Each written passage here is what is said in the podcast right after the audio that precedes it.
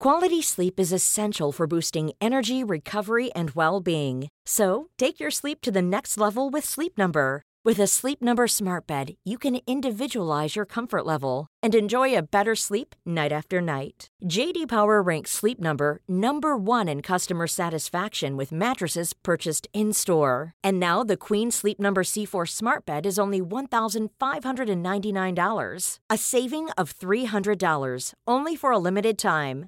For JD Power 2023 award information, visit jdpower.com/awards. Only at Sleep Number stores or sleepnumber.com.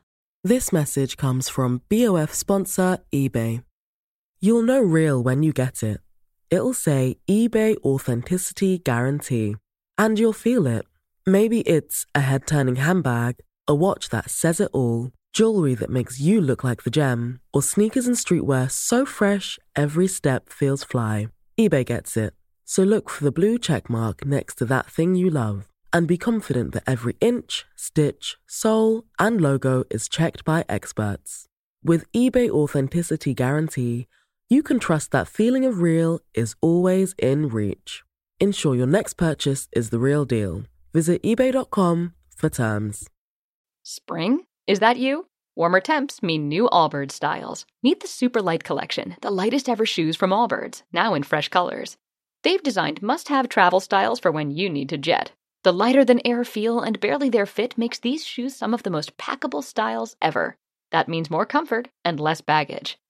Take the super light tree runner on your next adventure. Its cushy, lightweight foam midsole supports every step, and the extra outsole traction gives you the grip to just go for it. The eucalyptus fiber upper adds next level breathability to keep you going all day. Plus, the super light tree runner is comfortable and ready to go right out of the box. So, what can you do in a super light shoe? What can't you do is the better question.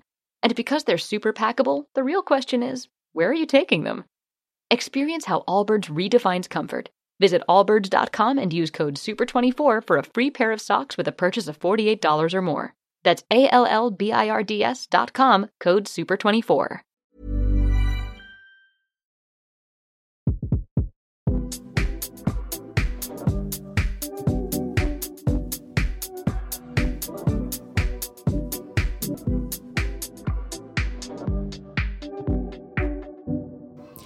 Altså, kontrastene, de er til å ta og føle på. Altså, Du sitter i en svær uh, pelsboblis av noe slag, mens jeg sitter og strutter i bikinitoppen min og ser utover uh, palmer og et turkist uh, ja, basseng. Da jeg skulle sagt hav, men det er et basseng. Men det er sabla fint. Jeg hører sånn glade badelyder i bakgrunnen. Ja, folkens, excuse the noise in the background, but it's very nice noise. holdt jeg på å si. Det er, det er sydenbråket. Jeg sitter på verandaen, og da er det litt sånn, ja, litt sånn sydenstemning i bakgrunnen. Jeg håper dere står greit til det.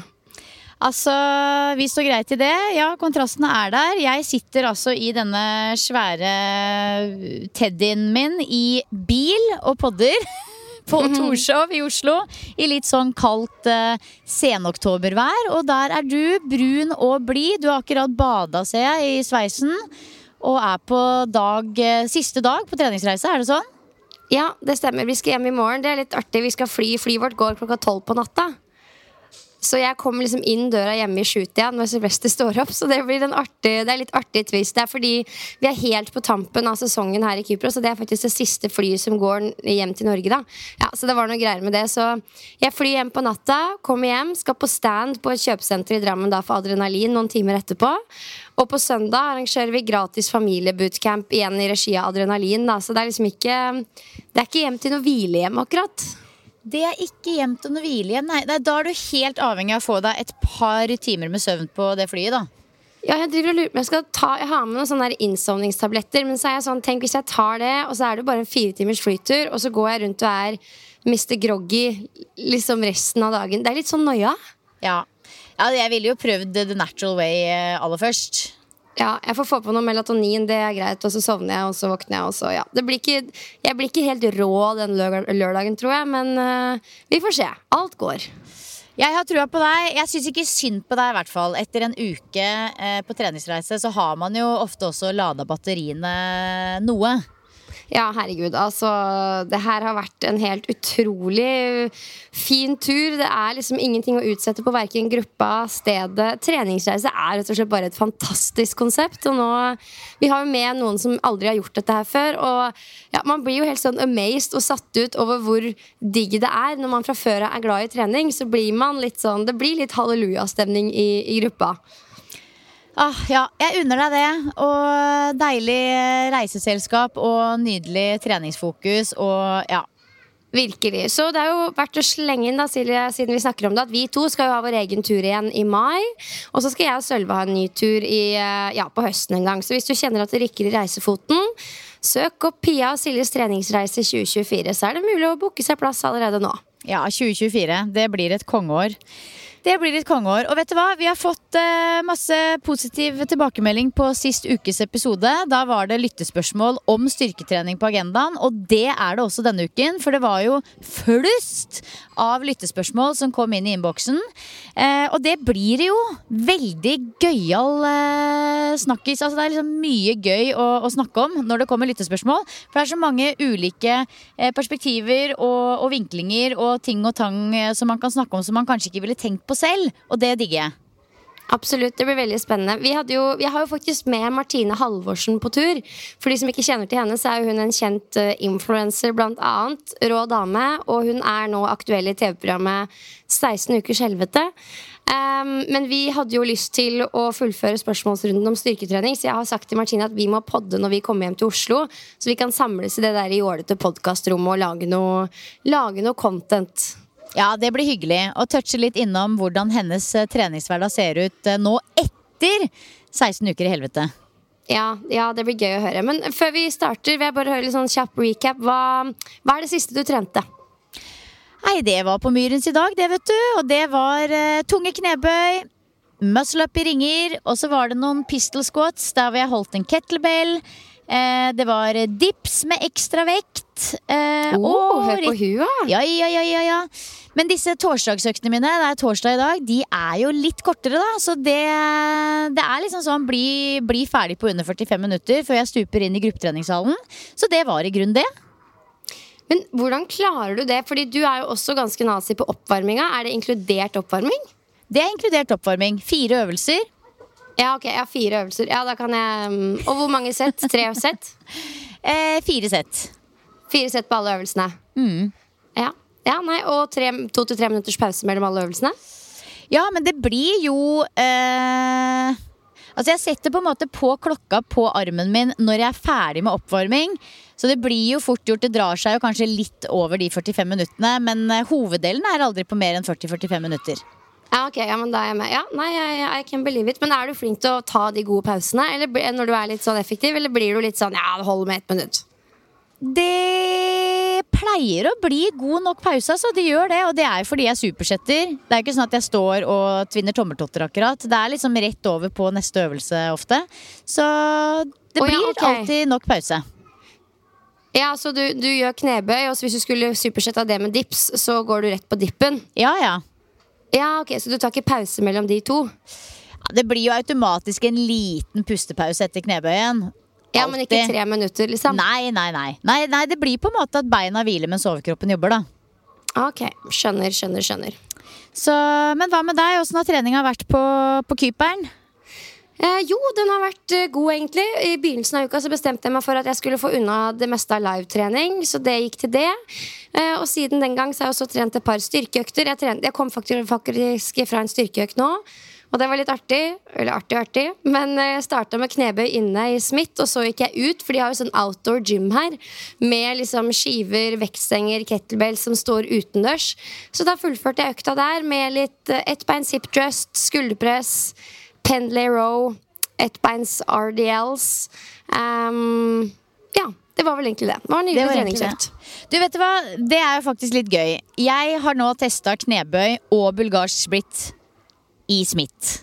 Ok ja, eh, Det er jo helt åpenbart eh, etter påvirkning fra deg. Du har influensa meg til å bruke smitten. Mm -hmm. Og altså, det er liksom den e Jeg trener knebøy to ganger i uka. Den ene knebøyen min nå fram til desember den skal være i Smith. For det er liksom something else. Det er det. Og samme bulgarsk splitt. Det blir nå knebøy og bulgarsk splitt i Smith-stativ én dag i uka fram til jul. Så takk for den, Pia. Det, det var liksom den lille endingen jeg trengte for å liksom kjenne at jeg fikk litt liv i programmet mitt igjen. Ja, ikke sant? Men Det er sykt gøy å høre. Har du noen tanker om liksom, hvorfor du likte Smith-maskinen kontra en løs stang? Det er jo alle de eh, altså fordelene som du har vært innom tidligere. Du er jo på en måte fastlåst. Det blir mindre mikkmakkeri. Mindre fokus på liksom eh, Å stabilisere, faktisk. Det gjør jo det. Og et litt annet eh, Altså, jeg følte at jeg blei veldig mye Jeg fikk liksom kjørt fremside lår på en litt annen måte enn det jeg gjør ellers. Eh, så rett og slett bare en bitte liten endring som egentlig gjør, eh, utgjør en ganske stor forskjell da, i en øvelse som jeg egentlig trener ganske mye. Ja, og det er egentlig en annen fordel med smitten. At du kan eh, påvirke muskelgruppene litt ulikt basert på hvordan du plasserer beina i f.eks. en knebøy eller en bulgarsk splittbøy. Så i en knebøy, hvis du har beina langt framme, så blir det litt mer framside. Og hvis de står litt lenger tilbake, så blir det litt mer bakside. Da. Så ja, ja, kult å høre at du likte smitten, Silje. Ja, det er det, det, er det nye nå. Så jeg skal teste den en periode fremover. Og så langt så liker jeg det veldig godt. Og det er jo det som er med styrketrening. At når du liksom holder på, kjører på uke etter uke, og så blir man litt lei, fikser litt på programmet, men du er fortsatt litt lei, så er det likevel bare en sånn bitte liten eh, ny Et lite nytt element. En bitte liten justering som skal til for at det liksom piffer litt liv i programmet igjen. Og det utgjør ganske mye i motivasjonen. Så ja, nei, jeg er, jeg er veldig fornøyd med det nye programmet mitt som jeg jobber med nå. Kult. Og med det så tenker jeg at vi kan hoppe rett inn i hoveddelen. La oss svare på litt spørsmål om styrketrening. Millions of people have lost weight with personalized plans from Noom. Like Evan, who can't stand salads and still lost 50 pounds. Salads generally for most people are the easy button, right? For me, that wasn't an option. I never really was a salad guy. That's just not who I am. But Noom worked for me. Get your personalized plan today at Noom.com. Real Noom user compensated to provide their story. In four weeks, the typical Noom user can expect to lose one to two pounds per week. Individual results may vary.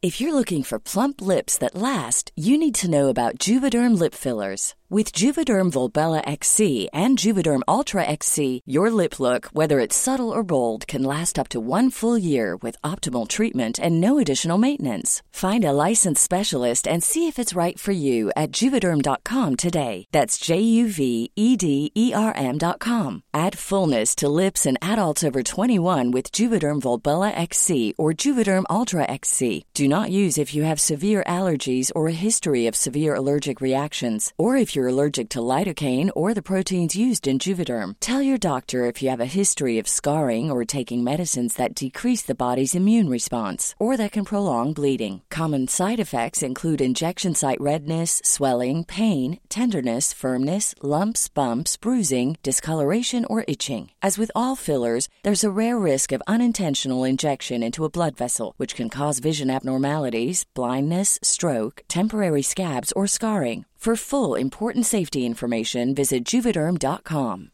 Quality sleep is essential for boosting energy, recovery, and well being. So, take your sleep to the next level with Sleep Number. With a Sleep Number smart bed, you can individualize your comfort level and enjoy a better sleep night after night. JD Power ranks Sleep Number number 1 in customer satisfaction with mattresses purchased in-store. And now the Queen Sleep Number C4 smart bed is only $1,599, a saving of $300 only for a limited time. For JD Power 2023 award information, visit jdpower.com/awards. Only at Sleep Number stores or sleepnumber.com. This message comes from BOF sponsor eBay. You'll know real when you get it. It'll say eBay Authenticity Guarantee. And you'll feel it. Maybe it's a head turning handbag, a watch that says it all, jewelry that makes you look like the gem, or sneakers and streetwear so fresh every step feels fly. eBay gets it. So look for the blue check mark next to that thing you love and be confident that every inch, stitch, sole, and logo is checked by experts. With eBay Authenticity Guarantee, you can trust that feeling of real is always in reach. ensure your next purchase is the real deal. Visit eBay.com for terms. Every fan knows the right player in the right position can be a game changer. Put LifeLock between your identity and identity thieves to monitor and alert you to threats you could miss. Plus, with a US-based restoration specialist on your team, you won't have to face drained accounts, fraudulent loans, or other losses from identity theft alone. All backed by the LifeLock Million Dollar Protection Package. Change the game on identity theft. Save up to 25% your first year at LifeLock.com slash aware.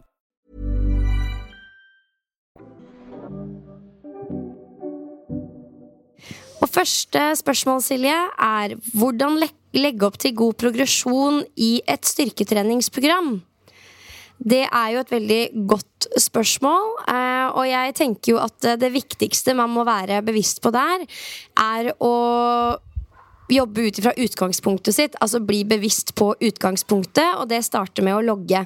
Det er veldig veldig mange som møter opp og gjennomfører styrketreningsøkter uten å logge de, og det er ikke noe gærent i det, men hvis du er opptatt av progresjon, så trenger du også å merke deg hvor mye du løfter i de ulike øvelsene for å ha fremgang. Det sier seg kanskje, kanskje selv, men jeg bare ja, Det er så sinnssykt mange som ikke har en treningslogg og lar seg stresse av det. Uh, så det er mitt første tips. Ha en treningslogg.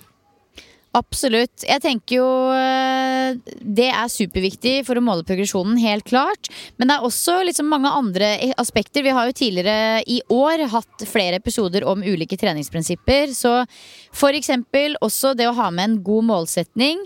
Jobbe med periodisering. At man øker belastningen gradvis og evaluerer ved å teste fremgang litt sånn eh, jevnt og trutt innimellom. Det også er jo gode nøkkelpunkter for å legge opp til god progresjon i et styrketreningsprogram.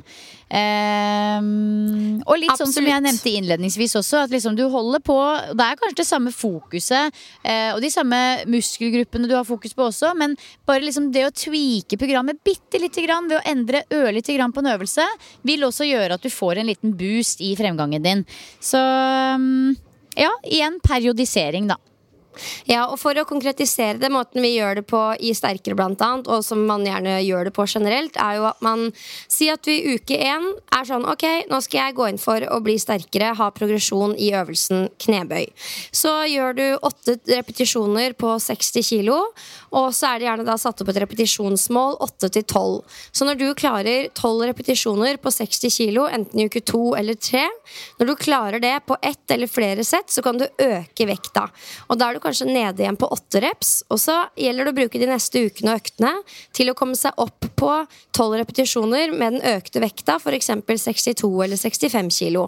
Og på den måten så driver vi, driver vi progresjonen framover. Og det er viktig både når du skal bli sterkere, men også når du skal bygge muskulatur. For fordi kroppen tilpasser seg, vi får mer muskulatur, så trenger vi også å øke vektene for å fortsette å utfordre kroppen. Så det er grunnen til at dette her med eh, progresjon er så viktig. Vi blir sterkere, vi får mer muskulatur, og da må vi også legge til mer belastning, da.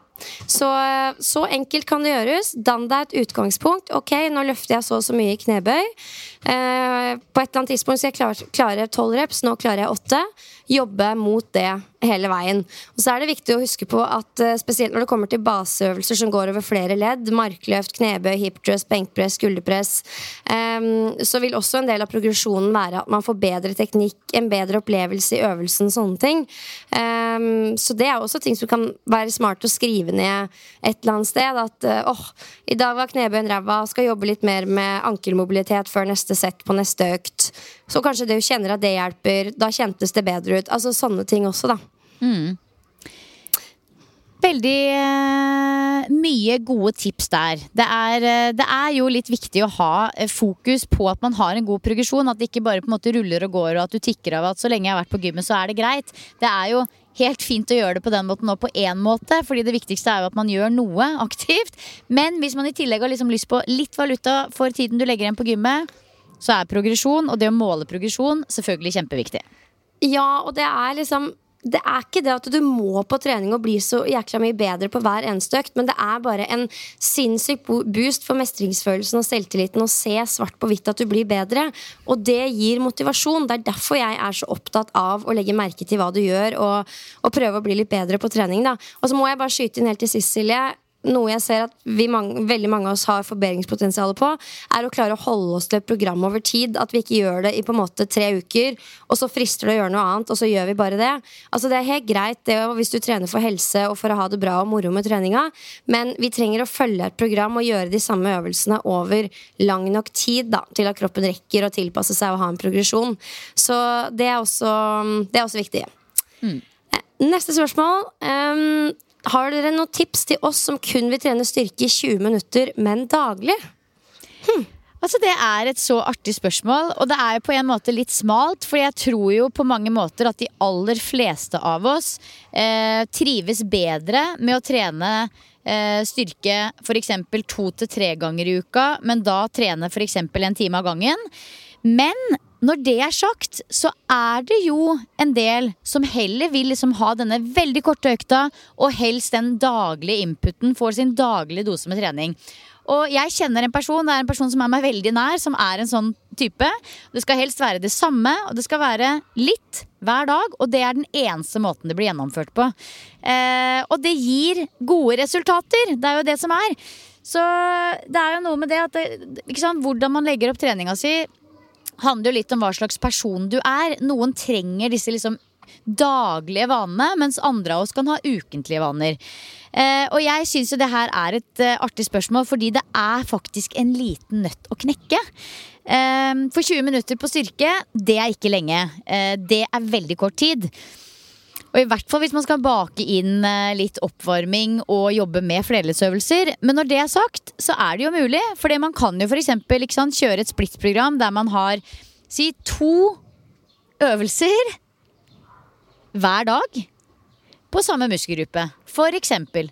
Altså det, det, er jo mulig å legge det opp sånn. Eller to øvelser som er um, på, på, forskjellige muskelgrupper også, men poenget er at, får, at, du, at, du, legger opp ukeplanen din med styrketrening på en sånn måte at du får dekt hver muskelgruppe minst to ganger i uka. På den måten vil du mm. ha like god eh, effekt og like godt utbytte som om du hadde trent lange økter færre ganger i uka. Men mm. eh, for min del så tenker jeg jo litt sånn her, det å liksom mobilisere tankekraften til å liksom sette i gang. og så er du så vidt i gang, og så skal du avslutte å gjøre det hver dag. Det hadde kosta mye for meg. Eh, men det er jo også ulike måter å trene styrketrening på. Det må jo ikke være med eh, vekt og kiloer og masse utstyr på gymmet. Det kan jo også gjøres eh, enklere med egen kroppsvekt. Men jeg tenker helt klart splittprogram i dette tilfellet. Og kanskje ha da to, eh, kall det litt sånn hovedøvelser på programmet hver dag. Som du kan eh, f.eks. supersette med litt sånn mindre krevende øvelser som ikke tar så lang tid. Hva tenker ja. du? Jo, altså det er artig, fordi han der eh, Pimp Lotion Han gjesta jo podden til Wolfgang eh, Wee for en stund tilbake. Og han kunne si det at han for tida nå kun trener styrke i fem minutter hver dag. Og det han da gjør altså Dette er ikke noe, dette er bare det han fortalte. Eh, men det har faktisk noe hold da i, i, forskning fordi det er så viktig å trene til utmattelse. La meg forklare. Han, han drar inn på EVO, tar de tyngste hantlene, f.eks. i benkpress, gjør én rep med de, legger de fra seg, tar eh, de litt mindre tunge en, hantlene. En rep eller en serie? Hva er det han sa? Enten en rep eller en serie. Men altså, han begynner på de tyngste, så det er sabla tungt. da men altså, greia er at han, han, trener til utmattelse i den respektive øvelsen. Så hvis det f.eks. er pullups, da, så gjør han ganske tunge pullups, og så tar han av litt vakt, vekt, gjør flere repetisjoner, tar av litt mer vekt, flere repetisjoner. Uh, og det er jo Ja, Så et såkalt dropset? Ja, men du også får den megatunge belastninga først. Og så går det nedover og nedover. Og nedover Og du blir jo helt fried i den aktuelle muskelgruppa. Hvis du er så god på å pushe deg såpass hardt, så vet vi at det er en veldig viktig driver for at kroppen ja, skal måtte tilpasse seg og vokse. da Men jeg er helt enig i det du sier. Altså, du må jo virkelig mobilisere, gjøre kroppen klar for den type trening. Eh, så selv om man sier fem minutter med hard pushing, så er det jo mye som skjer før og etter og litt sånne ting. Um, så jeg, jeg, støtter egentlig det du sier. Jeg hadde valgt meg ut f.eks. én eller to bevegelser som jeg da hadde gjort uh, ganske sånn til failure. Løfta tungt og hardt. De 20 minuttene skulle vært tøffe. Og så kasta inn håndkleet og kommet tilbake neste dag, da. det har ja, vært veldig altså, artig. Ja, men det er jo Altså, jeg tenker sånn Det er jo mulig, og det er jo Eh, det er jo noen som f.eks. også kjører Rett og slett bare kjører egen veksttrening hjemme hver eneste dag. Kjører så mange pushup de klarer, ganger tre. Eh, så mange situps de klarer, ganger tre. Står i planken i så mange sekunder de klarer, ganger tre. Og det er jo ekstremt tidseffektivt eh, å gjøre trening på den måten. Og du vil jo helt klart ha effekt. Det er bare en helt annen, litt sånn utradisjonell måte å legge opp styrkeuka si på. Ja, absolutt. Og så kommer det helt an på nivå. da Hvis du er nybegynner, så får du jo muskulatur av å begynne å gå. Eh, ikke av å begynne å gå, men Hvis du er inaktiv, så kan du få oppleve muskelvekst av å begynne å gå. Eh, så du må se det litt opp mot nivået ditt også. Så mm. hvis du kjenner at du for skal komme i gang med styrketrening, er nybegynner, og sånne ting, så er det masse du kan gjøre enten hjemme eller på senter. Eh, mye du kan gjøre lite av og fortsatt få resultater.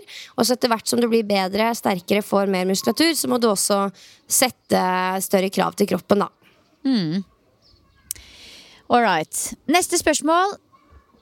Enkelt og greit. Hvordan blir man glad i styrketrening? Jeg savner den gode følelsen som jeg får på løpetrening. Ja, det er jo et uh, veldig godt uh, spørsmål, og noe jeg tror veldig mange kan kjenne seg igjen i. For det er jo en litt annen følelse etter en tyngre styrkeøkt kontra en løpeøkt. Og jeg føler at veldig mange, spesielt kvinner, kjenner at de trenger liksom en sånn finisher med pust og puls for å føle at de har trent, i gåseøynene. Um, men, så det første jeg vil råde deg til, er jo liksom å spørre deg selv hvorfor er styrketrening viktig for deg. Det er jo ikke sånn at det nødvendigvis er for alle. Jeg mener jo at alle bør trene styrketrening, men det er viktig at du kjenner inni deg hvorfor det er viktig for deg å prioritere det. Uh, for da blir det også litt lettere å faktisk prioritere det, og, um, og ta det valget om å la et par løpeøkter vike for å få til styrketreninga. da og styrketrening kan jo både gjøre deg bedre på løping, forebygge andre skader, og vi vet at det er hensiktsmessig for helsa å ha muskulatur. Men du må, du må kjenne til å eie de grunnene litt selv. Eh, og så tenker jeg det er viktig at man spør seg selv ok, hvordan kan jeg gjøre styrketrening mest mulig tilgjengelig. og, og om ikke morsomt, så i hvert fall at det gir meg en følelse av mening. Da. Det å gå og løfte tunge vekter alene i studio er kanskje ikke for alle. Hvordan kan du løse det på en annen måte som gjør at du får inn den styrketreninga? Kanskje det er å booke en avtale med en venn, ta noen timer med en PT, gå på en styrketime på senteret ditt. Det finnes veldig mange ulike måter å trene styrketrening på. Prøv å legge det opp på en måte som gjør at det trigger et eller annet i deg, som gjør at du kjenner at ja, dette høres ikke så ille ut, liksom. Det er i hvert fall Der vil jeg starte. Helt enig. Jeg tror også det er veldig mange som kjenner seg igjen i den utfordringen. Jeg, jeg, jeg skal ærlig innrømme at for noen år tilbake så var jeg der sjøl. Det kan jeg 100% innrømme. At jeg følte at jeg aldri hadde trent ordentlig hvis jeg ikke hadde liksom fått på litt pust og puls og svetta godt. Og jeg tror litt sånn som deg, at liksom man, man må øve seg litt på å liksom verdsette styrkeøkta i seg selv. Det er mer enn nok. Eh, hva var målet med økta? Jo, det var styrke, og det fikk du. Eh, og, og, kanskje lære seg å sette litt pris på det overskuddet man har etter en styrkeøkt. Fordi jeg opplever at liksom man har en litt sånn annen sånn overskuddsfølelse etter styrkeøkt kontra hard kondisjonstrening. Eh, og rett og slett overskudd til andre ting. Det er jo, det er jo kjempedigg å kjenne på. Eh, og så har man jo ikke minst, det, jo, det kan hun i hvert fall ta med seg videre, man har jo enda mer trøkk å kjøre på med på de faktiske rene kondisjonsøktene. Eh, det er jo et viktig poeng. Um, det går jo an selvfølgelig å legge til en sånn finisher for godfølelsen en gang iblant, men det bør jo ikke være sånn at man må gjøre det hver gang. Det blir jo nesten litt sånn unødvendig tvangsprega handling. Ja, jeg tror det henger litt sammen med en litt sånn misforstått forståelse av hva trening egentlig skal være òg. Og veldig mange har nok en tanke om at hvis man løper og kjenner den slitenheten, så har man brukt energi, og det er bra, for da ligger vi i et eller annet form for underskudd. Altså at eh, trening er en sånn form for regnestykke på noen måte. At hvis man ikke blir sliten på samme måte eller etter styrke, så gjelder det ikke. Eh, så vi må prøve å komme oss litt bort ifra den tankegangen, og kanskje kan det hjelpe å lære litt mer om hvordan kroppen jobber og hvilke prosesser som skjer når du løfter tunge vekter, og hvordan det påvirker fysikken din. For da er det også lettere å koble den følelsen og det at du gjør det opp mot noe positivt som er bra for deg, da, på samme måte som du gjør med løping nå per dags dato. Ja, Ja, det er jo, det er jo en sånn ikke sant? Folk liker den der følelsen etter at de har trent. At de har svett i luggen, at de har trent. Det er jo av det at f.eks. Barry's bootcamp og, og, og, crossfit og alt sånt her er blitt superpopulært. Men jeg tror det er viktig å minne seg på at det som er med styrketrening, er at belønningen, eller liksom gevinsten av styrketrening, den kommer litt senere. Så du trener på en måte styrketrening litt mer for fremtiden. Mens kondisjonstrening får man liksom kjenne litt på der og da. Eh, sånn tenker i hvert fall jeg. At når jeg trener styrke, så er det litt sånn jeg gjør det fordi jeg skaper en god, eh, en god fremtid, på en måte. Eh, det, belønningen og gevinstene kommer rett og slett litt senere. Ja, ja det er et godt poeng. Og så um Altså, Ingenting er jo så godt som å kjenne den pumpen i f.eks. Rumpe, rumpe og lår. Men det tar litt tid å komme dit, som du sier. Du må komme litt inn i styrketreningsgamet, kanskje. Ja. Um, neste spørsmål. Ok, Pia. Hvordan vet du, eller hvordan vet man, at man løfter tungt nok på trening? Jeg er redd for å løfte tungt alene. Ja, det skjønner, jeg, det skjønner jeg så godt. Det er jo litt sånn guffent å ha en tung stang på ryggen. Det har vi snakka om, Silje, og dykke ned og bare sånn Ja, ja, håper jeg kommer opp igjen. Uh, så jeg tenker jo at det er viktig, og det er viktig å kjenne seg trygg. Og um, når man, spesielt når man skal starte med, med, styrketrening, så er det viktig at man har en god teknikk, og at man kjenner at man kontrollerer belastninga man jobber med. Så, og på generelt grunnlag så mener jeg at du skal aldri jobbe med en belastning som du på en måte er redd for, i gåseøynene. Du skal alltid føle at det er du som bestemmer over belastninga, ikke omvendt.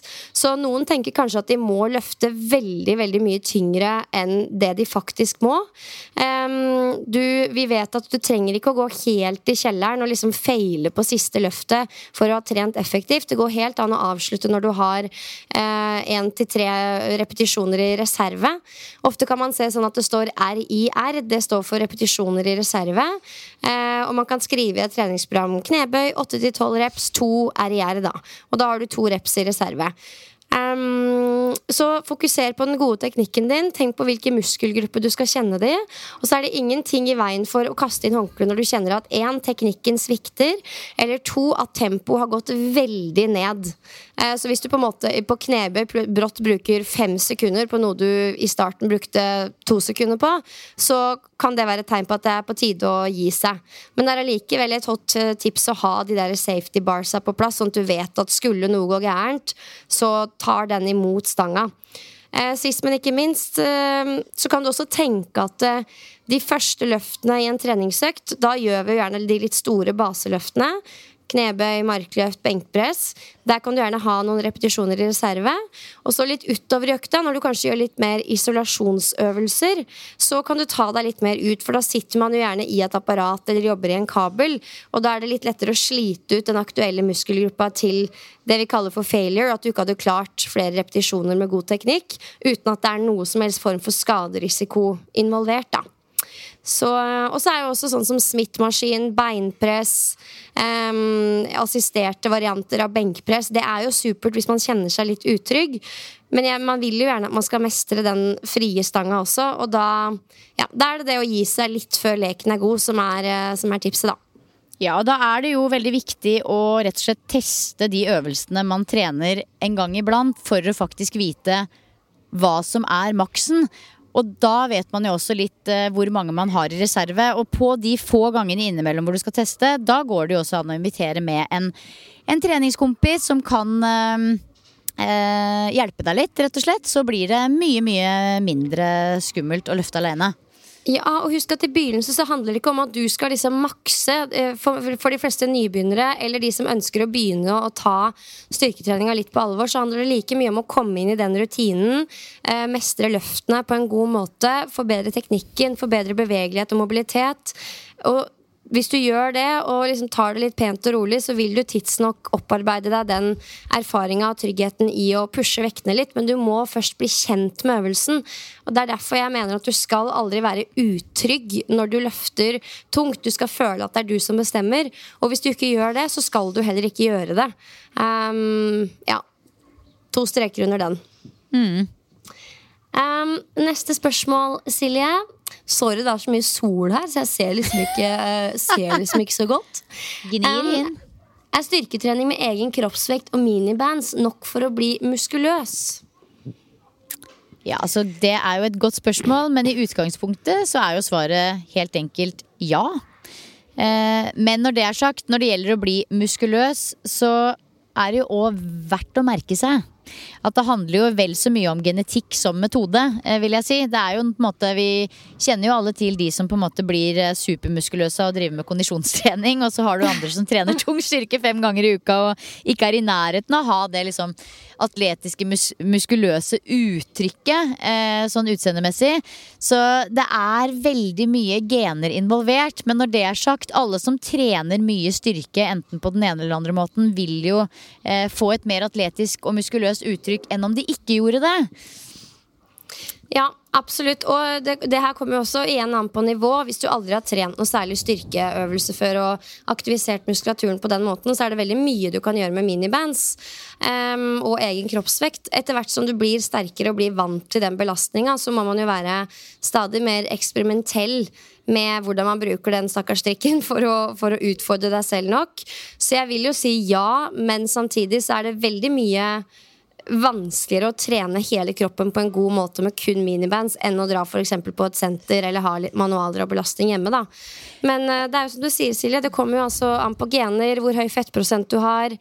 Det å se muskuløs ut handler jo ikke egentlig bare om hvor mye muskulatur du har, som igjen kan være genetisk, men vel så mye om da hvor mye fett du har på kroppen i tillegg. Så, Men det er også jeg tenker, det, det, kommer liksom an på hvilken deler av kroppen også. Fordi man kan gjøre så utrolig mye med egen kroppsvekt. Eh, på mange deler av kroppen, men når det gjelder f.eks. øvre del av rygg, da vil du på et eller annet tidspunkt kjenne at den miniband Da må du plutselig ta veldig mange repetisjoner av stående roing med miniband for å få den samme, eh, samme effekten som om du ville hatt en stang. Da. Eh, mm. Men når det gjelder både beintrening og kjerne og, og, og skuldre og bryst, så er det der fins det virkelig mange gode måter å, å trene ordentlig tungt eh, og få ordentlig god effekt uten noe særlig utstyr. Men akkurat rygg, den er, eh, den er, det er en liten nøtt å knekke. Ja, ryggen er alltid en nøtt å knekke på når det er lite utstyr involvert. Men, eh, ja. Så ja, svaret vårt er ja, men nei. Typ. Ja, typ. Eh, hva er det lurt å spise før og etter styrketrening? Uh, ja, spennende spørsmål. Spis noe, i hvert fall. Mm. uh, vi vet jo det at det er smart å få i seg noe protein og karbohydrater for å sette i gang proteinsyntesen og ja, legge opp til en god styrketreningsøkt. Mm. Og så ja. skal det være noe som magen din trives med. Det er jo også ekstremt viktig. Ja, det er superviktig å ha noe som magen trives med, sånn at den ikke begynner å krangle når du er på trening. Men det er jo litt som du sier, et generelt godt nok inntak av protein litt jevnt fordelt utover dagen. Må eh, ikke, ikke, nødvendigvis kaste i deg eh, proteiner eh, rett før og rett etter trening, men at det er mer en god jevn fordeling utover dagen. Og det er jo også viktig å legge til at helt vanlig mat er mer enn nok, men noen ganger så er det likevel behov for raske løsninger. Og da kan jo en eh, proteinshake være veldig veldig enkelt for å få dekket det behovet. Så, mm. Men har man muligheten til å planlegge godt, så er helt vanlig mat jevnt fordelt ut gjennom dagen mer enn godt nok. Ja, og ikke tren styrketrening fastende. Det går, helt, det går jo selvfølgelig bra, men får, det er litt mindre optimalt enn å ha noe protein og karbohydrater i systemet før du går løs på økta. Mm. Men utover det, de der, disse jevne dryppene med protein gjennom dagen som er uh, viktig for å holde muskelbygginga i gang, dere. Oh yes, oh yes. Um, neste spørsmål. Er det lurt eller dumt å trene halve reps med høyere vekt enn, hel, enn hele repetisjoner for å bli sterkere? Ja. Altså, ja. Det er eh, godt spørsmål. Da snakker man jo, ikke sant, I styrketrening så er vi veldig opptatt av full range of motion, eller da partial range of motion. Halve eller hele repetisjoner. Og det er jo mest vanlig, vil jeg si, å se nå, når man ser folk med ganske lang eh, styrketrenings... Eh, erfaring at de aller fleste velger eh, full range motion, og det er jo en grunn til det. Eh, altså for å ta eh, en øvelse som eksempel, så kan vi jo skille mellom eh, dype knebøy eller grunne knebøy. Og da er det jo eh, bevegelsesutslaget, altså range of motion, vi snakker om. Og det fins jo veldig mange tanker og kanskje motivasjoner bak å velge det ene eller det andre. Men det er i utgangspunktet et ganske kjent faktum at store bevegelsesutslag bidrar i hvert fall til god muskelvekst. Men her er jo også spørsmålet retta konkret mot styrke. Um, så ja, man blir sterk på det man trener på. Trener man på halve grunne knebøy, så vil du bli sterk i halve grunne knebøy. Eh, og trener du på dype knebøy, så vil du bli sterk i dype knebøy. Men generelt sett så stemmer nok jeg for å liksom gå for den eh, hele repetisjonen, selv om man da kanskje jobber med litt færre kilo på stanga. Ja, absolutt. Vi ønsker å få satt eh, muskulaturen så mye som mulig på strekk. Det er liksom uh, rule of thumb. Uh, så har det for eksempel, Hvis man ønsker å bli sterkere i f.eks. knebøy, så kan det være hensiktsmessig å jobbe med um, til kun 90 grader en stund for å kunne jobbe med en tyngre vekt på stanga og bli vant til det. Og vi har også sett at idrettsutøvere og de som er opptatt av eksplosivitet i treninga si, kan med fordel trene litt grunnere bevegelser, da, men sånn jevnt over for oss vanlige døde mennesker så er uh, full range of motion, som du sier, Silje, det absolutt eh, beste for å påvirke muskulaturen til å bli sterkere. Mm. Ok. Jeg trener styrke jevnt hver uke, men syns ikke jeg blir noe sterkere. Hva bør jeg gjøre? Høre på denne episoden her og ta til deg tipsene. Nei, altså øh, Og syns altså, Jeg bare føler at det klinger ut av spørsmålet. Syns ikke jeg blir noe sterkere. Syns du, eller vet du? For da, hvis, hvis hun hadde visst, så hadde hun jo sagt 'jeg blir ikke sterkere' fordi hun hadde sett det i treningsloggen sin. Så jeg aner at det kanskje skorter litt på logginga her, men si at det ikke gjør det da at hun vet at jeg har ikke hatt noen progresjon. Det er ofte det første jeg ser på. liksom Totalbildet og restitusjonen utenom øktene. Eh, hvor mye trener du ellers? Spiser du bra? Sover du bra? Sånne ting har ofte enormt mye å si, og vi glemmer det, for vi tror at det aller viktigste er å trene opp og, nei, møte opp og trene hardt. Og det er det jo absolutt, men hvis du ikke klarer å hente deg inn igjen mellom styrkeøktene, så har det ingen verdi, for det er når vi hviler at vi blir sterkere. Ja, Absolutt. Og jeg tror også du har rett i at uh, ikke sant? jeg syns ikke jeg blir noe sterkere. Det er jo noe med at man må vite det, se det svart på hvitt. Men samtidig så kan jo jeg også kjenne meg igjen i at selv om jeg trener, uh, føler at jeg er uh, relativt rutinert på dette med å, å, periodisere, så kan jo jeg også oppleve etter en si 10-12 ukers periode med samme program at jeg har stagnert på et nivå. Om ikke det er på alle øvelser, så i hvert fall i noen. så det er helt vanlig det, og da kan man jo velge selv. om man kanskje bare ønsker å være litt på det platået der og kjenner at det er mer enn nok å bare være her og vedlikeholde. Eller om man må rett og slett mikse og trikse litt i programmet. Endre litt. Eh, legge inn f.eks. noen nye fokusøvelser. Eh, mikse det opp med repetisjonsantall. Enten ta det opp eller ta det ned. Eller kanskje legge til et ekstra sett i en periode for å se om du får en økning. Jeg har f.eks. nå vært på et platå i dips i ringer, og har nå endra programmet mitt til at jeg istedenfor å ta vanlig dips, tar dips, altså døde dips, tar dips fra bunnposisjonene opp istedenfor å ta dips fra, fra topposisjon og ned. Fordi da får jeg litt drahjelp fra den bevegelsen på vei ned. Så det er bare en bitte liten tweak som gjør at jeg eh, jobber meg fremover. Og jeg tror um, Det er liksom én ting hva man gjør med selve programmet, men så må man jo også igjen se på helheten. Hvordan er det med mat, hvordan er det med søvn, hvordan er det med totalbelastning og stress? Uh, og hvordan er det med totalbelastning av trening? Så det fins mange ulike ting man kan gjøre, og noe eh, så lite som å endre litt på øvelser og repetisjonsantall f.eks. kan kanskje være det som gjør at det løsner. Ja, jeg føler også at veldig mange, spesielt kvinner, har en tendens til å ja, jeg vil bli sterkere, men jeg skal også løpe tre ganger i uka. Og så skal jeg innom den sirkeltreninga to ganger, og så har jeg en en og en halv styrkeøkt, og da skal jeg bli sterkere. Og for all del, det er mulig å bli sterkere, men det er da litt begrensa hva du kan forvente av deg selv. Og hvis du er mye sliten, og det er mange andre ting som gjelder i livet ditt, så ja, ta liksom en titt på totalbildet. Ja, og en ting som er Det er hvert fall Det har hjulpet meg mye opp igjennom, er liksom For å holde motivasjonen i gang, det er å ha én fokusøvelse av gangen, toppen to. For det, hvis du på en måte skal prøve å liksom eh, være helt king og liksom løfte litt mer hver uke på alle øvelser, så er det er ikke så veldig realistisk. Velg deg ut et par øvelser som er dine fokusøvelser i si en periode på ti uker. Og så, kanskje det er, også, ikke sant, da kommer det automatisk, det lover jeg deg, til å bli sterkere i de, eh, si den ene øvelsen du har fokus på. Så kan du bytte til en ny øvelse etter det. Mm. Håper du ble litt klokere på, av det svaret. Det er vanskelig å si noe mer eksakt ettersom vi ikke vet så mye mer om deg, men um, håper det Ja, jo, det er litt klokere. Yes.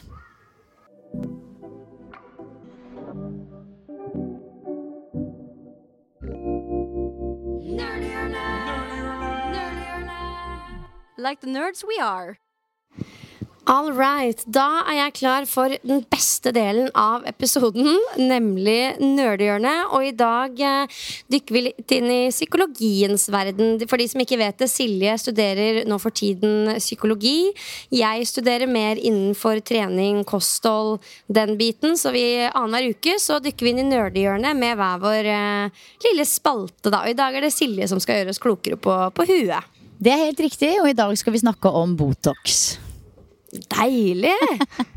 Nei da. Men på en måte jo. Jeg kommer til å si noen ord om eh, Botox også. Men det jeg tenkte å ta for meg i dag, det er et fenomen som jeg syns er utrolig spennende. Jeg bruker det masse i yogaundervisningen min, blant annet, og prøver også å være veldig bevisst på det selv. Og det handler om hvordan ansiktsuttrykk i veldig stor grad kan påvirke hvordan vi har det. Og i psykologien så kaller vi dette her facial feedback theory, eller facial feedback-prosessen.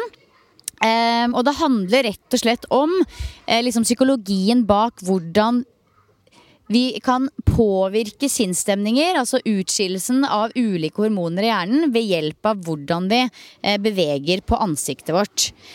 Eh, og ja, altså dette med følelser er jo, det er jo ikke noe hemmelighet, det. Eh, at jeg er veldig opptatt av det. Det har vi også vært eh, mye innom tidligere i Nerdehjørnet. Hvordan følelser er en grunnleggende del av menneskelig opplevelse, eh, det menneskelige liv. Og det å uttrykke følelser på en riktig måte, og klare å regulere følelser på en riktig måte, det er en veldig stor del av å ha en sunn mental helse. Og når det gjelder måten man viser følelser på, eh, så gjør man det på mange måter. Men en av de raskeste og vanligste og mest effektive måtene vi gjør det på, det er gjennom ansiktsuttrykk. Og når jeg snakka i den episoden om emosjonell IQ, EQ, så, er jo det også veldig viktig. Liksom, har du høy status eller høyt nivå av EQ, så er du også ganske god på å lese andres ansiktsuttrykk. Ehm, men ansiktsuttrykk kan gjøre mye mer enn å vise andre hvordan vi føler oss. Fordi den teorien eh, som heter facial feedback-teori, eh, eller ansiktstilbakemelding på godt norsk, den antyder at endring av ansiktsuttrykk også kan forandre følelser og hvordan vi har det. Så hypotesen her er at ansiktsuttrykkene våre påvirker følelsene. Eh, som betyr at vi f.eks. Eh, vi smiler ikke bare når vi føler oss glade, glade men ved å liksom manipulere seg selv og smile med vilje, så får det oss også til å føle oss mer glade og lykkelige. Eh, så det handler på en måte om at hjernen produserer glade hormoner fordi vi smiler. Eh, så smil kan f.eks. få oss til å føle oss bedre, og det samme gjelder også med andre følelser. Vi kan hacke vårt eget følelsesliv. Eh, så der Smil er knytta til produksjonen av lykkehormoner eh, i hjernen. Så kan rynker og litt sånn bekymra uttrykk, sinna uttrykk, skape mer sånn følelse av tristhet. Eh, og det her er jo gøy, men det som er enda gøyere, er jo hvordan man kan bruke den innsikten her i praksis. Ja. Ja. Eh, for det, denne hypotesen, som det viser seg i større og større grad at er sann. Det er masse forskning på dette her, og det forskningen indikerer, er at det er liksom virkelig store muligheter for å hacke seg selv. Og det gjelder jo eh, Det kan man bruke i terapi, men det er også veldig fint for oss vanlige hverdagsmennesker å vite om. Um, for det er på en måte under bevegelse i ansiktsmuskulatur i fjeset. Det er, da, altså, det er da det skjer endringer i hjernen. Så det er ikke bare det statiske, men det er bevegelsen i ansiktene. Um, så man kan f.eks. hacke en treningsøkt som er litt tung, ved å f.eks. smile når du trener. Det er faktisk flere løpere som bruker den teknikken, som løper maraton. Og klistrer på seg smil, og på den måten så produserer du flere gladhormoner, og økta føles mindre grusom. Eh, men du kan også bare rett og slett liksom øve deg på å dra munnvikene litt opp på sida, og ta noen dype pust, eller bare prøve å være helt myk og, og smooth og glatt i ansiktet idet du føler deg stressa, istedenfor å liksom rynke deg til. Eh, en annen veldig kjent stil er jo power posing. Eh, det har vi sikkert snakka mye om i Treningsboden før. Dette med liksom kroppsstillinger, inkludert ansiktsuttrykk, fører til at eh, vi får en økt følelse av makt og selvtillit. Eh, og det er jo kjempefin teknikk å bruke før f.eks. skumle møter eller foredrag. Eh, men jeg tror også spesielt det er det jeg bruker det på i yoga. Når jeg ser folk liksom komme stressende inn, kaster seg ned på matta litt sånn rett etter jobb så kan man skape en god harmoni på innsiden ved å liksom legge merke til ansiktsuttrykket og prøve å skape et mer mykt fjes. Jeg bruker det veldig mye i undervisninga mi, og det gjør at folk blir mer bevisst på det. Fjerner spenninger i kjeven, mindre rynker i panna. Og det som er litt sånn fun fact, er at det er her kommer Botoxen inn. Det er gjort masse psykologisk forskning på hvordan facial feedback-prosessen fungerer i sammenheng med bruken av Botox. Eh, fordi da eh, eh spruter man jo inn muskelhemmende eh, gift inn i muskulaturen, sånn at man ikke klarer å bevege på musklene i ansiktet. Og her er det gjort veldig mye spennende funn. Um, for idet Botox da hemmer ansiktsmuskulaturen, så hemmer man også automatisk følelser som er knytta opp mot ulike ansiktsbevegelser og uttrykk. Og det er selvfølgelig på godt og vondt. Så folk som sliter med depresjon, der er det f.eks. mulighet i en terapeutisk eh, form å teste Botox i f.eks. sinnarynka. Eh, for da bidrar jo det til at man produserer mindre av de litt sånn eh, nedstemte prosessene i hjernen. Men det er jo også injeksjoner man setter andre steder som påvirker f.eks. ekte smil. Så idet folk begynner å tulle med smilerynkene, så kan jo det gjøre at du aldri få gitt hjernen din beskjed om at du smiler et ekte smil, og på den måten så får du også mindre gladhormoner. Og det er ganske seriøst og noe man bør tenke på. Og det samme gjelder også i møte med andre mennesker, fordi ansiktsuttrykk er en så sterk del av hvordan vi viser følelser og kommuniserer, så vil du aldri heller bli tatt helt på alvor i å være ekte og autentisk hvis du ikke kan ha et ekte ansiktsuttrykk. Det er veldig fascinerende. Det er veldig fascinerende. Er det ikke det? Jo, for jeg tror mange tenker når de tar Botox altså, la, Let's just be honest. Nå er vi i en alder der hvor eh, Ikke bare en alder, men også en tids eh, En tid der hvor Botox blir vanligere og vanligere. Og det er på en måte noe man må ta stilling til på den ene eller andre måten. Ja. Også fordi det popper opp her og der folk som har tatt det, som du tenker Å ja, har du gjort det? Og jeg dømmer ikke på noe som helst måte, men man, når man da tenker etter mennesker man ser på Instagram, og også i virkeligheten, så kan man jo liksom se at noen er litt sånn ekstra stive i maska, og at man på den måten har en viss sånn oppfatning av de. At de er litt uh, ikke, ikke døre, men de liksom opererer på en litt sånn eh, lavere energisk eh, skala enn de som bobler over i hele ansiktet sitt. Det er vanskelig å forklare.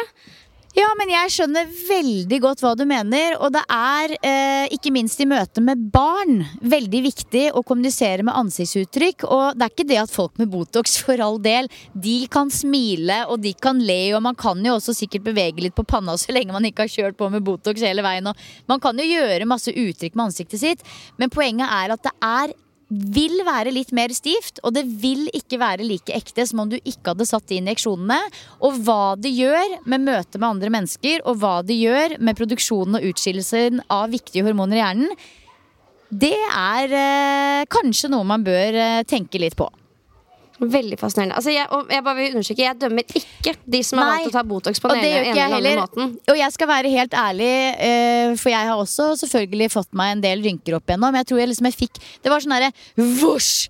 Tre svære rynker i panna det året jeg fikk barn. Mm.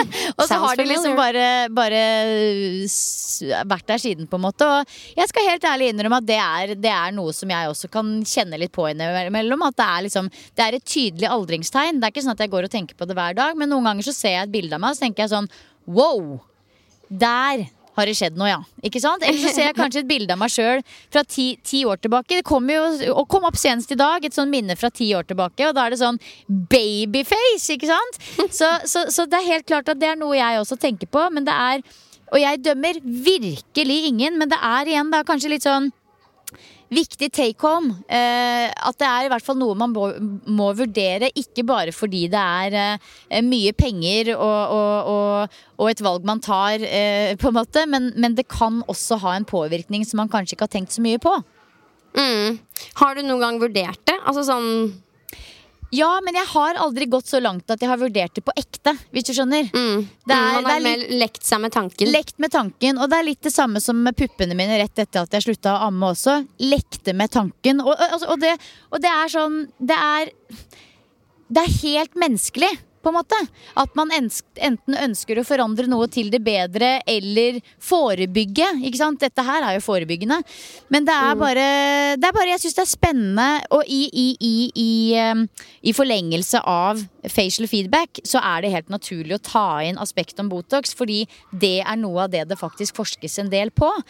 Så, mm. så jeg syns det er spennende. Og ja, den viktigste take-homen er kanskje at når du smiler, så sender det signaler til hjernen som er forbundet med lykke og positive følelser.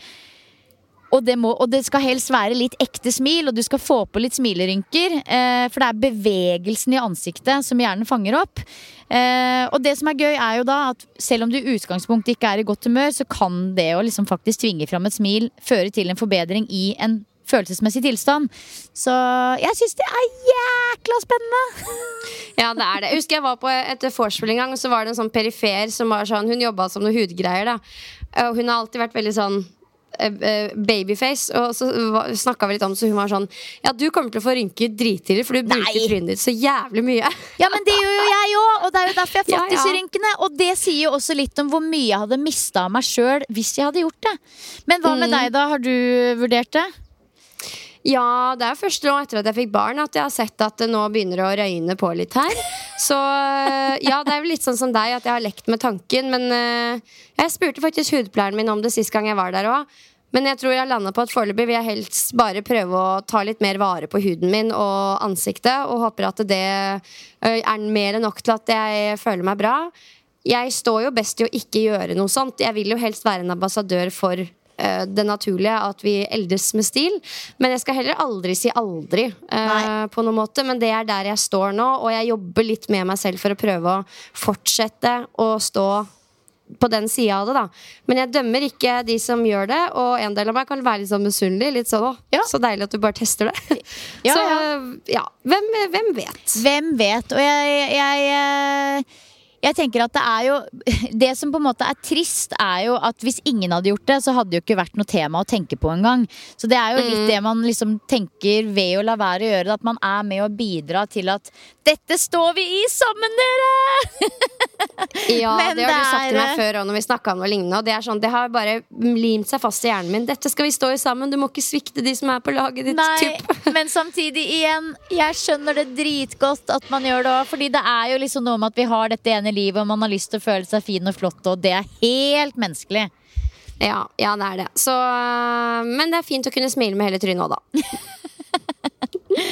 ah, ja, ja, ja. Du Pia, hva er ukas boost?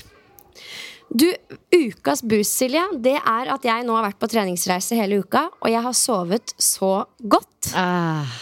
Søvn. Og det, det, er ikke alle som kjenner til det, kanskje, men jeg pleier å slite ganske mye med søvnen når jeg er på disse reisene. Mye nytt.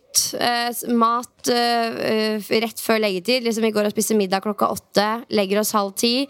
Eh, spiser gjerne litt dessert og sånne ting. Ja, det er mye som legger til rette for at jeg ikke sover så godt. da Men nå har jeg vært litt sånn eh, i forkant og føler at jeg fikk det til, og det er en veldig god følelse.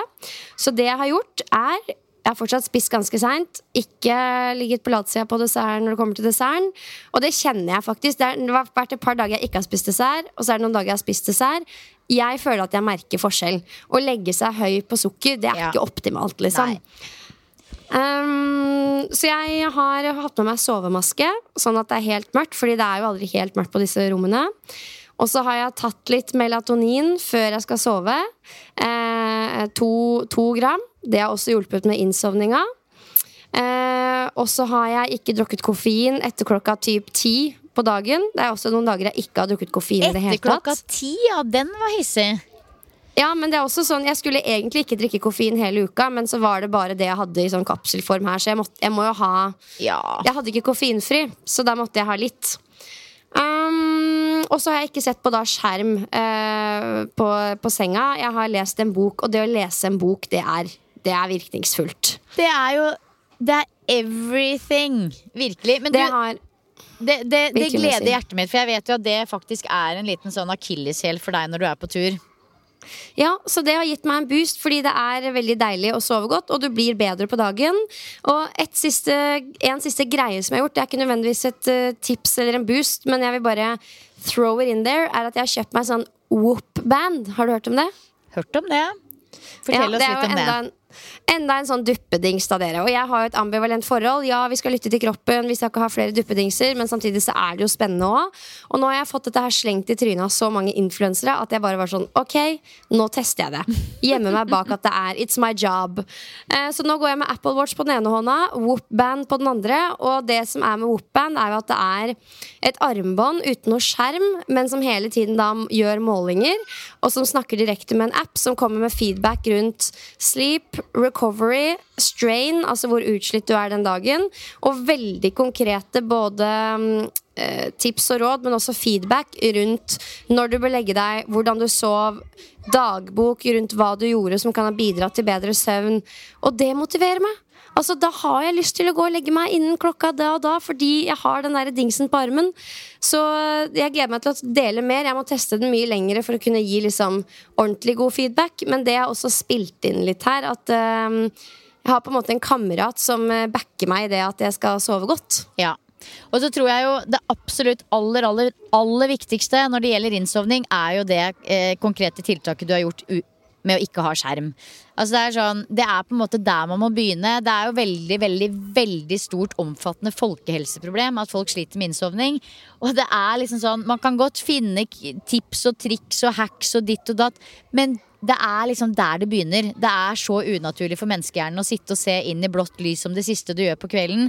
Så det er liksom det er den der kvelds eh, som gjerne starter to timer før du skal legge deg. Det er liksom, det er der vi må begynne. Absolutt. Så det, Ja. var, eh, det var min eh, boost. Eh, har blitt glad av å ta ansvar for egen søvn. Hva med deg, Silje? Jo, du, men før jeg tar min buss, holdt jeg på å si, så er jeg bare Det er egentlig litt artig, fordi hver gang når vi er på treningstur eller et eller annet sammen, eller liksom sånn så tenker jeg Når vi snakker om alle disse buffeene og maten, og alt det der, så tenker jeg at dette må være så kjedelig for folk. Men jeg kjenner jo at jeg på ekte er nysgjerrig. Hvordan er buffeen? Å ja! Du, er, altså, den er helt vill. Vi snakka om det. Om det. Her, her skal jeg være ærlig med dere, folkens. Det er noen ganger når man er på noen av disse hotellene, at buffé Alt smaker litt det samme, bare fordi det er en buffé. Men akkurat her på Kypros, som er det hotellet vi pleier å reise mest til, så er de utrolig gode på å lage god mat. Og, og sunn mat. Så det er liksom alt du kan velge, alt du kan ønske deg av grønnsaker, frukt, kjøttkilder, eh, eller altså proteinkilder, men også vegetarianske kilder. Eh, yoghurtbar, du kan få smoothie bowls. Så Åh, den er eh, Sorry to rub it in, men den er helt rå. Og hva spiste du til dessert i går? Da, altså Vi har jo denne tradisjonen vår med dessertsmaking. Ja. Fordi de har jo helt sjuke dessertbord her, og for all del, man kan jo smake på alt, men da føler man seg ikke så veldig bra etterpå. Så det er gjerne sånn at alle tar litt av det de syns er spennende, og så har alle hver sin skje, og så deler man litt på det ene og det andre. Uh, men favvisen var en sånn classic sjokoladekakemos-aktig uh, dings. det er som bare- sjokolade som trumfer gjennom hver gang. Så det er liksom det jeg også må minne meg selv når jeg er på buffé. Smaker på 15 ulike desserter. Skulle bare gått for den sjokoladen, vet du. Den er alltid bankers. Men jeg må også si da at her om dagen eh, så spiste jeg to brødskiver med Nutella til frokost. Ja. Det er også jækla godt. I tillegg til mye annet, selvfølgelig, men det var dessertskivene mine. Åh, som jeg koste meg. Det er lyks, det. Ja, og det er sånn som jeg før hadde tenkt at nei, det er no go for meg. Det kan ikke jeg spise. Men nå i takt med at jeg blir klokere om mitt eget kosthold og jobber med han ernæringscoachen og sånn, så er det litt sånn Det kan jeg helt fint spise. Det passer helt fint inn, det. Altså sånn, Jeg føler at jeg har uh, stygggjort så mye mat og tenkt det kan ikke jeg spise, men som egentlig er tilgjengelig for meg, men bare i ålreite mengder, liksom. Og det høres jo ut som en selvfølge, men ja, for meg har det ikke alltid vært det, da, så det er fint. Nydelig. Men hva med deg? Ah, du, jeg er i grunn bare en stor boost, jeg, Pia. Jeg eh, kan endelig liksom føle jeg trykker på play-knappen i livet mitt igjen. Jeg føler jeg har holdt pusten de siste hva blir det, ni-ti ukene. Eh, aldri gjort så mye yoga, aldri jobba med så mye mentale verktøy i hele mitt liv som jeg har gjort nå. Og jeg har ikke snakka så mye om det i treningspodden, rett og slett fordi jeg bare ikke har orka å snakke mer om det enn det jeg må. Nå høres det ut som det er liksom dødsfall i nær familie. Det er ikke det, men eh, vi jo, er jo i prosess. Jeg har jo delt tidligere i treningsboden. Vi skal flytte til Australia etter jul. Eh, også veldig mye greier på hjemmebane med at vi har kjøpt et rekkehus og måtte selge en, gammel, en leilighet på Fornebu og alt mulig greier. Og så er det jo nå ingen hemmelighet at renta og tiden vi er i, dyretid, har gjort at det å selge noe som helst er umulig. Så vi har sittet med en leilighet og hatt eh, visning på visning på visning. Eh, sett at tiden renner ut. Ikke har, kunnet kjøpt, ikke har vi kunnet kjøpe billetter til Australia. Ikke har vi kunnet planlegge noen ting. Den siste uka eller to vil jeg si at vi nesten nærmest begynte å innse at det blir ikke noe tur til Australia. Uff. Ja, du vet jo alt, Pia. Eh, føler jeg har vært bare sånn der, eh, et eh, spøkelse. For det høres jo ut som sånn 'Å nei, stakkars meg som ikke får solgt leilighet'. Det er ikke det det handler om. Det er konsekvensene av å ikke kunne selge leiligheten. At all planleggingen, all, alle drømmene, alt på en måte har liksom falt i tusen knas. Men nå fikk vi faktisk endelig solgt nå på tirsdag, og jeg kødder ikke, hold deg fast. Vi hadde syv visninger totalt. Det er så vilt. Syv. Og det er jo, en ting er jo det stresset med økonomi. Det er masse økonomiske forpliktelser. Eh, det er så mye kjedelige voksenproblemer knytta opp mot noe sånt. Men det er også masse i forhold til lojalitet i forhold til avtaler i Australia, der vi har hatt et hus. Det er òg en økonomisk og lojal forpliktelse. Skoleplass til ungene. Jobb. ikke sant? Det er veldig mye sånne ting. Og jeg har denne perioden her vært helt rå, det må jeg bare si, på å klare å holde hodet i sjakk. Eh, men det som har vært spennende, for jeg har gjort absolutt alt riktig har, Vi har jo ikke hatt TV på, på ti uker heller, fordi alt har jo vært satt bort. Vi trodde jo alt skulle bort i en uke. Har vært, vi har bodd i styla leilighet uten TV i to måneder. Pluss. Eh, så vi har jo ikke hatt TV. Jeg har lagt meg klokka ni hver kveld, lest masse. Fått minimum en time dagslys hver dag. Jeg har gått så mye på yoga som jeg aldri har gjort før. Meditert hver dag. Jeg har virkelig klart å holde hodet i sjakk, men kroppen min, den har streika helt. Ja, det er ja, sjukt. Ja, det er så sjukt. Jeg har da for første gang i livet fått eksem. Eh, jækla mye eksem. Masse rare utslett i ansiktet. Eh, vært oppblåst. Eh, hatt null kraft på trening. Men nå har liksom alt dette her snudd, og det er så rart, for det jeg solgte på tirsdag, i dag er det torsdag.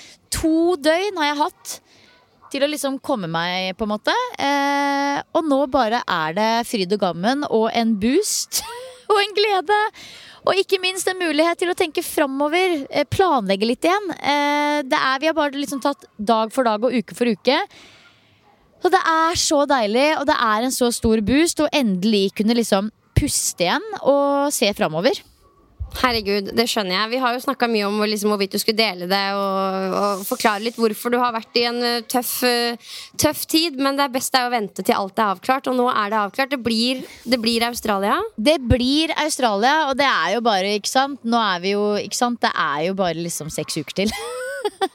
ja. Så tida går jo fryktelig fort nå. Det er, altså, for du var jo inne på tanken om at det kanskje ikke ble noe av. Og, ja, så dette endte godt til slutt. Og det er nok mange som kan kjenne seg igjen i ikke nødvendigvis den konkrete situasjonen, men det at økonomien setter en grense for ganske mange ting. Det er nok flere der ute som blør penger av ja. ulike, ulike, grunner. Så um, det, ordner, det, er godt at det ordna seg til slutt, Silje. Ja, det er det. Og det også er jo en av grunnene til at jeg ikke har liksom giddet å sagt noe særlig høyt om det. For jeg vet jo at det er jo selvfølgelig mange som sliter big time sammenligna med oss. Dette her er jo på en måte en drøm, et overskuddsfenomen.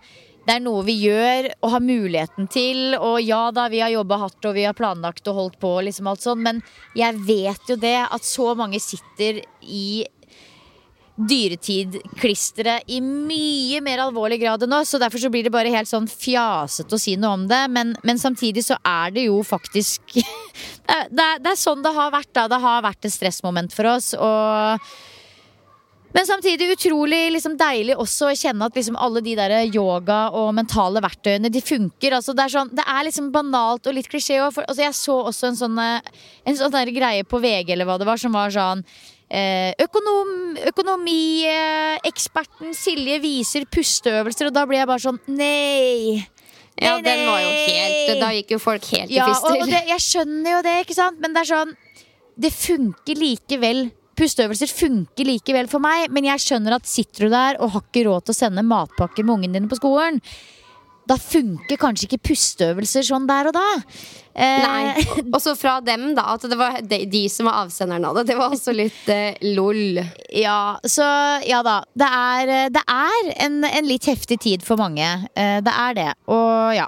Så Men alt i alt, for oss så har dette vært en kjempeboost denne uka her. At vi nå endelig kan løfte blikket, se framover. Jeg skal ærlig innrømme at dette nye rekkehuset som vi har kjøpt også jeg har ikke orka å liksom Altså, jeg løp forbi der en gang og begynte å hylgrine, liksom. Altså, det sånn, for det har vært sånn herre øh, Ikke sant? Men nå gleder vi oss jo helt sykt. og Vi skal male veggene sånn, og vi skal rive ned den veggen, og vi skal fikse sånn. ikke sant? Nå kan man begynne å se litt framover, og det er jo en digg eh, følelse. Selv om vi skal jo bare bo der i knappe fire uker før vi drar, da. Ja, for dere rekker å bo der litt, ja. Ja, vi flytter inn nå neste uke, og så bor vi der i eh, en måned pluss. Og så er det adios amigos. Å, herregud. Nei, men det er bra. Vi er veldig glade på dine vegne, Silje. Yes, så sånn er det. Og, og sånn er det. Så ja. Det er, eh, det er veldig bra. Oh, jeg hadde jo et lite egoistisk håp om at du kanskje ikke dro til Australia, men uh, det var bare en liten del av meg som uh, tenkte at det hadde vært koselig. Men jeg unner deg selvfølgelig at du skal reise, kose deg, nyte livet. Og det blir jo ikke kjipt å podde fra Australia. Absolutt ikke. Altså, jeg skal virkelig ta på meg ansvaret om å dykke ned i nyeste helsetrender og yoga og treningsverden down under. Og det er jo gøy, ikke sant? For det er jo helt annerledes enn her. Så jeg lover dere, det skal bli mye spenstig input på den fronten. Det blir bra. Nei, men Nydelig. Nå skal jeg hvert øyeblikk rekke en uh, teamøkt her. Jeg skal ned i sola, snakke litt med Sølve og sånn for den tid, så I have to run. Du må løpe, men dette her var hyggelig. Det ble akkurat litt over timen denne uken òg, men det får vi stå i. Dere som lytter, tusen, tusen, tusen takk. Det setter vi kjempestor pris på. Eh, og ha en strålende uke. Adios.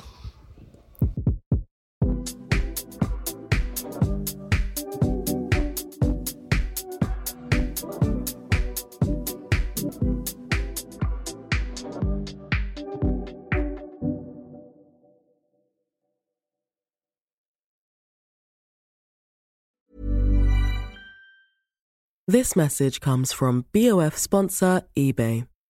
You'll know real when you get it. It'll say eBay Authenticity Guarantee. And you'll feel it. Maybe it's a head turning handbag, a watch that says it all, jewelry that makes you look like the gem, or sneakers and streetwear so fresh every step feels fly. eBay gets it. So look for the blue check mark next to that thing you love and be confident that every inch, stitch, sole, and logo is checked by experts. With eBay Authenticity Guarantee, you can trust that feeling of real is always in reach.